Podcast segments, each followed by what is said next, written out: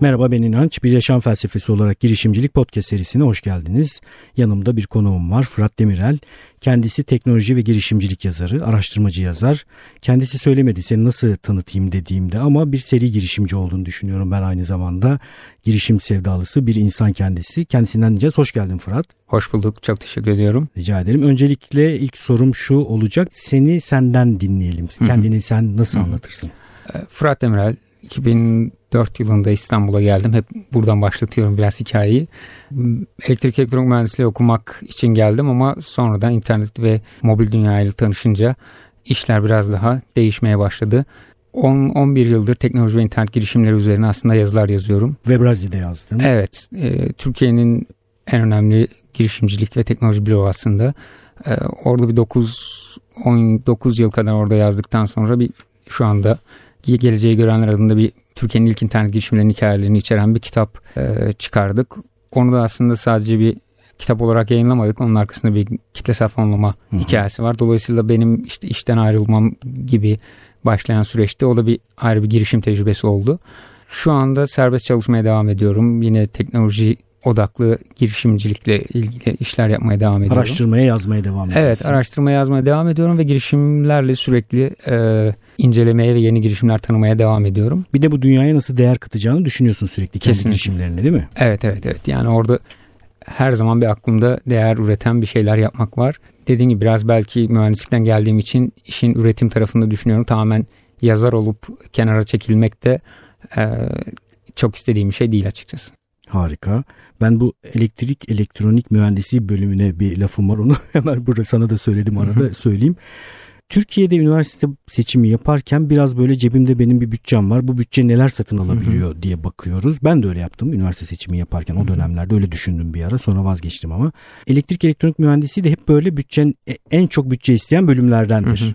Öğrenciler de bu bütçeyi ceplerinde tutuyorlarsa ben niye satın alabildiğim en iyi şeyi satın almayayım diye hı hı. düşünebiliyorlar. Böyle düşünmemelerini tavsiye edeceğim, önereceğim. Yani puanı elektrik elektronik mühendisliğini tuttuğu halde teorik fizikle ilgilenmek isteyen, hı hı. pür matematikle uğraşmak isteyen, kişilerin bu içlerinden gelen sen matematikçi olmalısın, fizikçi olmalısın sesine kulak vermelerini tavsiye ediyorum. Gerçekten mühendis olmak isteyenler de mühendis olsunlar. Elektrik elektronik mühendisliği bölümlerine ve Türkiye'deki yüksek puanlı bölümlere de bir e, görev düştüğünü düşünüyorum. Gerçekten Türkiye'nin çok önemli beyinlerini de tutuyorsunuz. Türkiye'ye değer katmak zorundasınız. Ben böyle düşünüyorum bir eğitimci olarak. Yani sadece mühendislik yapmanın ötesinde size bu kaynağın nereden ve ne şekilde geldiğini de bir kenarda tutarak bunun üzerine biraz kafa patlatmak atmanız gerekir diye düşünüyorum. Bu benim tabii ki şahsi düşüncem. Çok güzel bir reklam oldu bence. Değil mi? Evet. Teşekkür ediyorum. mühendisliğine evet. direkt reklam oldu. Ee, ben şimdi Fırat'ı buraya niye çağırdığımı, podcast'te niye konuk etmek istediğimi anlatayım. Ben Fırat'ı bir süredir Twitter üzerinden takip ediyorum. Kitap yazdığını, yazmakta olduğunu biliyordum. Kitap yazım sürecini de Twitter'dan takip ediyorum. Çünkü o bayağı bu süreci nasıl yönettiğini de paylaştı. Çektiği zorlukları anlattı. Bu zorlukları aşmak için ne gibi teknikler kullandığını anlattı. Medium'da da bir şeyler yazdığını hatırlıyorum. Yani yoğun olarak yazan paylaşan bir insan. Bir de şu e, tarafı dikkatimi çekmişti. Girişimlere, startuplara kendi imkanları ölçüsünde destek vermeye çalışan birisi. Yani ne bileyim e, herhangi bir içerik servisine para ödem, ödemekten çekinmeyen birisi bunu yapıyor. Ben de bunu yapmaya çalışıyorum. E, yeni gelişen bir alan olduğu için internet, girişimcilik, startuplar biraz buradaki değerlerin yavaş yavaş geliştiğini düşünüyorum ben. O değerlerden birisi de çaba gösteren, bu dünya için güzel bir şeyler yapmaya çalışan insanlara kendi bütçemiz imkanında destek olmanın değerli bu, bunun değerli olduğunu düşünüyorum ve bu değerin yavaş yavaş herkes tarafından yayılmasının da önemli olduğunu düşünüyorum. Onun için Fırat'ı dikkatimi çeken bir tarafıydı bu. Çok teşekkür ediyorum. Aynı şekilde ben de girişimcilikle ilgili paylaşımlarını gördükten sonra aslında hani ortak paylarımız olduğunu görüp tanışmak istemiştim. E, buraya katılmak da benim için çok onur verici. Tekrar Harika, teşekkür çok ediyorum. Ben çok değer katacağını düşünüyorum. Şimdi böldüm galiba seni ben çok Yok aslında yani 8-9 yıllık e, işte Webraz ve Türkiye'deki internet girişimcilik macerasını takip edince gerçekten birbirimize destek olmak gerektiğini ve değer üretmek gerektiğini e, ben inanan birisiyim. Bunu bir misyon olarak da kendi adıma kabullendiğimi söyleyebilirim. Bu çok güzel etkiler de doğuruyor bence. Harika ben de aynı fikirdeyim. Ee, Geleceği Görenler kitabını bu bir yaşam felsefesi olarak girişimcilik podcast'i olduğu için herkese öneriyorum. Neden? Bu kitabın içerisinde Türkiye internet tarihinde çok önemli yerlere sahip bir takım girişimler anlatılıyor ve kurucuları gözünden, onlarla yapılan röportajlar üzerinden bilgiler süzülerek değerlenmiş ve bize ulaştırılıyor. Çok ilham verici olduğunu düşünüyorum. Tamamını okumadım. MyNet kısmını okudum. MyNet var, Ekşi Sözlük var, itiraf.com var, Pilli Network var, Yemek Sepeti var, Gitti Gidiyor var, Nokta Medya var, Çember.net var, Groups var, Webrazi var. Bu girişimlerin girişim yolculuğunu, öykülerini, çıkardıkları dersleri, batışlarını, çıkışlarını okuyabilirsiniz. Fırat Demirel'in Geleceği Görenler kitabını herkese tavsiye ediyorum kesinlikle. Kitap üzerine konuşacağız. İlk sorum şu olacak Fırat. Yazma süreci yoğun bir süreçtir ve bu süreç içerisinde sen bu girişimleri kuran insanların yaşam öyküleriyle haşır neşir oldun. Hı hı. Bir süredir onlar senin ruhunda, zihninde, hı hı. sende duygular, düşünceler oluşturuyorlar. En merak ettiğim şey aslında şu. E, büyük ihtimalle de bir takım temalar oluştu zihninde. Yani bütün bu öyküleri birleştiren bir takım parçalar olabilir. Çok ayrışan ama çok dikkatini çeken özel noktalar olabilir. Birkaç tane böyle nokta paylaşır mısın bizimle? Yani bu insanların bu yaşam mücadelesinden süzülerek sende kalan tortu, duygu, düşünce nedir? Ya bu kitap dediğiniz gibi 10 girişim var. Ee, arada küçük bazı girişim hikayeleri de eklemeye çalıştık. Kitaba ismini veren hani geleceği görenler etiketi aslında belki bu şey tam olarak karşılıyor. Kitabın adını ben koymadım. Ee, sağ olsun kronik kitapla birlikte e, çalıştık. Onlar ismini buldular. Ya, bu kişilerin aslında hep beklenmeyen çok fazla kimsenin üzerine gidilmemesi gereken noktalarda e, inisiyatif alarak yola devam ettiklerini ortak bir payda olarak gördüm diyebilirim ve mantıksal görünenin dışına çıktığımızda bir şeylerin değişmeye başladığını e, bizzat bu girişimcilerin hayatını dinleyerek, okuyarak, daha önce kişisel hafızalarımdan e, süzerek toparladım ve bu bana da aslında ilham verici bir süreç oldu diyebilirim. Çünkü e, bazı hikayeler şahit olduğunuz zaman size olan tesiri çok daha fazla oluyor. Burada girişimlerin de aslında o temel faydası, bazı zorlukları belli bir süreç içerisinde gelişeceğini düşünerek oraya o, o konuda çalışmak, o konuda daha fazla emek sarf etmek e, anlamında faydalı oldu benim için. Ben mesela e, sadece MyNet kısmını okudum. Hı hı. Orada hemen şunu gördüm hızlıca. Çok do- doğru bir nokta. Ben de ilk e, okuduğum bölümde bende bu duygu oluştu.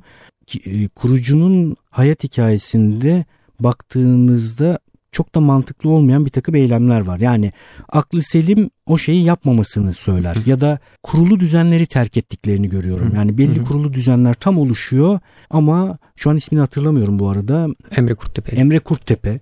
Çok güzel bir yaşam öyküsü evet. var. Efsane. Benim hafıza zayıflığım bu arada. Emre Kurttepe'nin e, herhangi bir eksikliği yok bu konuda. Benim eksikliğim. Çok efsane bir girişimci. Yaşam öyküsü çok ilham verici. Emre Kurttepe mesela. Kurttepeli. Kurttepeli. bu da benim eksikliğim. Li'yi duyma, duymamış olmam. Emre Kurttepeli kendi yaşamında belli e, alanlar oluştuğunda belli şeyler netleştiğinde içinden gelen bir takım seslere kulak vererek baya böyle sıçraya sıçraya belki akıl dışı diyebileceğimiz rasyonel Hı-hı. olmayan eylemlerde bulunuyor. Ama en nihayetinde hikaye iyi devam ediyor. Hı hı. Ya o hep ben girişimciliği biraz acıya dayanabilme gücü olarak görüyorum. Hani herkesi belli bir seviyeye kadar düşüren bir acı var. O acı noktasında sabredenler yukarıya doğru çıkıyor gibi yani. Bugün birçok girişime, bugün başarılı olan girişime bize gelseler ve buna yatırım yapar mısınız, destekler misiniz deseler muhtemelen desteklemeyeceğimiz kadar belki basit ve karlı olmayan şeyler olarak görürüz ama e, onların hepsi e, o acıyı eşiğini geçtikten sonra e, bir şey yakalıyorlar ve aslında çok da böyle fantastik olmayan girişimler Değil mi? E, yakalıyor. Bu da bana şeyi öğretiyor bir açıdan. Eğer yeterince acıya dayanabilirsen bir noktada o çıkış şeyini yakalayabileceksin. Tabii bunu vizyonla desteklemek gerekiyor her Tabii zaman. Doğru eylemler, zaman zaman akıllıca pivotlar, pivot olmadan zaten. Yani şöyle diyelim bir yola gireceksin, bir şeyler yapmaya başlayacaksın ve sürekli algılarını açık tutacaksın. İşaretleri iyi okuyacaksın. Ee, seni batıran şeyler de olacak. Ne zaman vazgeçmen gerektiğini, ne zaman vazgeçmemen gerektiğini biraz öğreneceksin. Bir de kapasite geliştireceksin sürekli. Benim yine gördüğüm ortak temalardan birisi şu. Başka bir iş için uğraşıyor girişimci. Bir şey yapmaya çalışıyor. O yaptığı şeyi başaramıyor ama o ana kadar harcamış olduğu enerji bir kapasite oluşturduğu için birden bir telefon alabiliyor bir yerden. Yani evet biz seni şu şekilde kullanmak istiyoruz ve girişimini şu şekilde kullanmak istiyoruz. Biz e, Türkiye'ye yatırım yapmak istiyoruz. Sen de bu alanda boğuşan, boğulmamaya çalışan girişimlerden birisin diye birden bir telefon geliyor. İşte o telefon ancak mücadele eden, kapasite geliştiren, problem çözmeye çalışan insanlara geliyor. Evet. Hatta bu problem çözme mantığının aslında içimizde olması gereken temel yetenek olduğunu kitabın sonunda anlatmaya çalıştım. Hı hı. Orada da umarım güzel ilham verici olacaktır. Temel amacımız aslında o bazı sorunları çözmeye çalışmak. Onun için çaba göstermek olmalı ve o fırsat e, dediğimiz şey, şans dediğimiz şey bizi o belli bir sabrın sonunda, belli bir acının sonunda yakalayan şey aslında. Evet ve e, başta muhteşem bir şey yapmak üzere yola çıkmak yerine bir şekilde bu yola girmek değerli, önemli. Çaba göstermeye başlayacaksın, kapasite geliştirmeye başlayacaksın beklentini düşük tutacaksın. Bir de meşhur Nasim Talep öğretisi. Hı hı. Bu ölmeyeceksin, boğulmayacaksın. Aptalca da hareket evet. etmeyeceksin. Evet, evet. Yani sürekli deneyebilen ve test edebilen durumda tutacaksın kendini ama testten ve deneyden vazgeçmeyeceksin. Evet, şey vardır hani e, canlı serçe ölü aslandan yeğdir gibi. Canlı serçe ölü aslandan yeğdir yeğdir. Evet. Yani burada mesela ek sözlüğün hikayesinde hani yurt dışına taşıma konusunda e, gelen öneri ya da hani teklifler diyelim. Kutluyoruz bu arada 20. senelerinde olduğu Evet evet evet. Yani inanılmaz bir bilgi kaynağı Türkiye için. O noktadaki hani Sedat Kapanoğlu'nun söylediği şey hani bunu Türkiye'den dışarıya çıkardığım noktada e, işte engellenerek tamamen hizmet vermesi sonlanabilir. Ama Türkiye'de biz yaşamaya devam ederek e, faydalı olmaya çalışıyoruz şeklinde. E, böyle küçük küçük aslında çok e, farklı öğretici şeyler de yakaladım girişimcilerin hayatında. Ben şunu da istedim kendileri her bölümün sonunda kendi girişimcileri kendi tavsiyelerini paylaşması. Evet o da evet. çok güzel olmuş. Çok güzel böyle madde madde Hı-hı. tavsiyeler paylaşılmış. Hı-hı. Onlar da çok ilham verici. Bir başka e, soru soracağım şimdi. Bu podcast'te benim üzerinde bayağı kafa patlattığım meselelerden birisi fırsat meselesi. Fırsat çok paradoksal bir şey. Bunu hep anlatıyorum. Yani mesela bir kişi kendi fırsatlarının tamamını göremiyor olabilir. E, çünkü fırsat tarifi itibarıyla e, sendeki imkanların aktüele dönüşmesiyle alakalı bir şey ve bir insan kendi tüm imkanlarını göremiyor olabilir. Mesela mentor edinmek bunun için çok tavsiye edilir. Daha önce anlattım mı hatırlamıyorum ama yakın dönemde bir eğitim yapmıştım. Orada IKEA'da çalışmış olan bir yönetici vardı. IKEA'nın patronuyla aynı mekanda bulunmuşlar ve bize ne tavsiye edersin diye sorduğunda mentor edinin kendinize hemen demiş. Niye mentor edinin acaba dedi diye düşündüm ben kendi kendime. IKEA gibi büyük başarılı bir şeyin patronu girişimin. Şu nedenle büyük ihtimalle kişi körleşiyor. Kendi imkanlarını, fırsatlarını göremeyebiliyor. Bir mentor hem senin açmazlarını görmende yardımcı olabilir hem de farkında olmadığın bir şeyi işaret edebilir. Onun için insanın bir an önce mentor bulması önemli. Fırsat meselesi önemli. Sen girişimle fırsat arasındaki bu gerilim açısından neler söylersin? Yani girişime başlamak isteyen, girişim yolculuğuna girmek isteyen insanlar fırsat meselesine nasıl bakmalı, nasıl ele almalı, nasıl fırsat araştırmalı sence? Yani ben ilk işte Webrazi yazmaya başladığım dönemler Türkiye'de çok az sayıda aslında internet girişimi vardı ya da internet girişimciliğin tekniği ve teorisi bu kadar fazla yoktu açıkçası. Girişimcilik hani Amerika'da da nispeten öyle ya da başka yerlerde de öyle. Size e, çok farklı bir alanda örnek veriyorum bugün enerji sektörüne girip bir şey yapmanız çok zor, çok e, maliyetli. Bugün işte Levent'te bir şirket, bir ofis, bir, bir yer açmanız çok maliyetli. Sıfır başlangıç noktasında size bir şans tanımıyor. O sıfır noktasında kişilerin hayal kurmasını sağladığı için girişimciliğin öyle bir çekici tarafı var.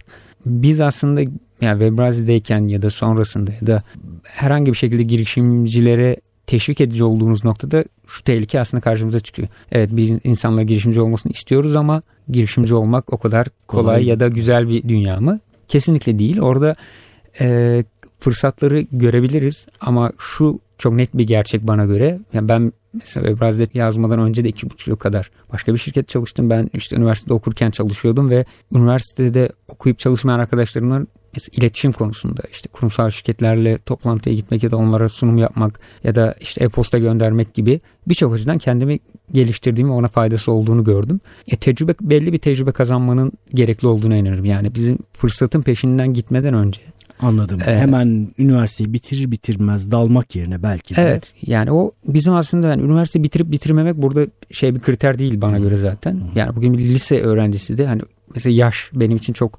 tamamen yani göreceli olan bir Hı-hı. kavram zaman. Ee, bizim için nasıl doldurduğumuzla alakalı. Doğru.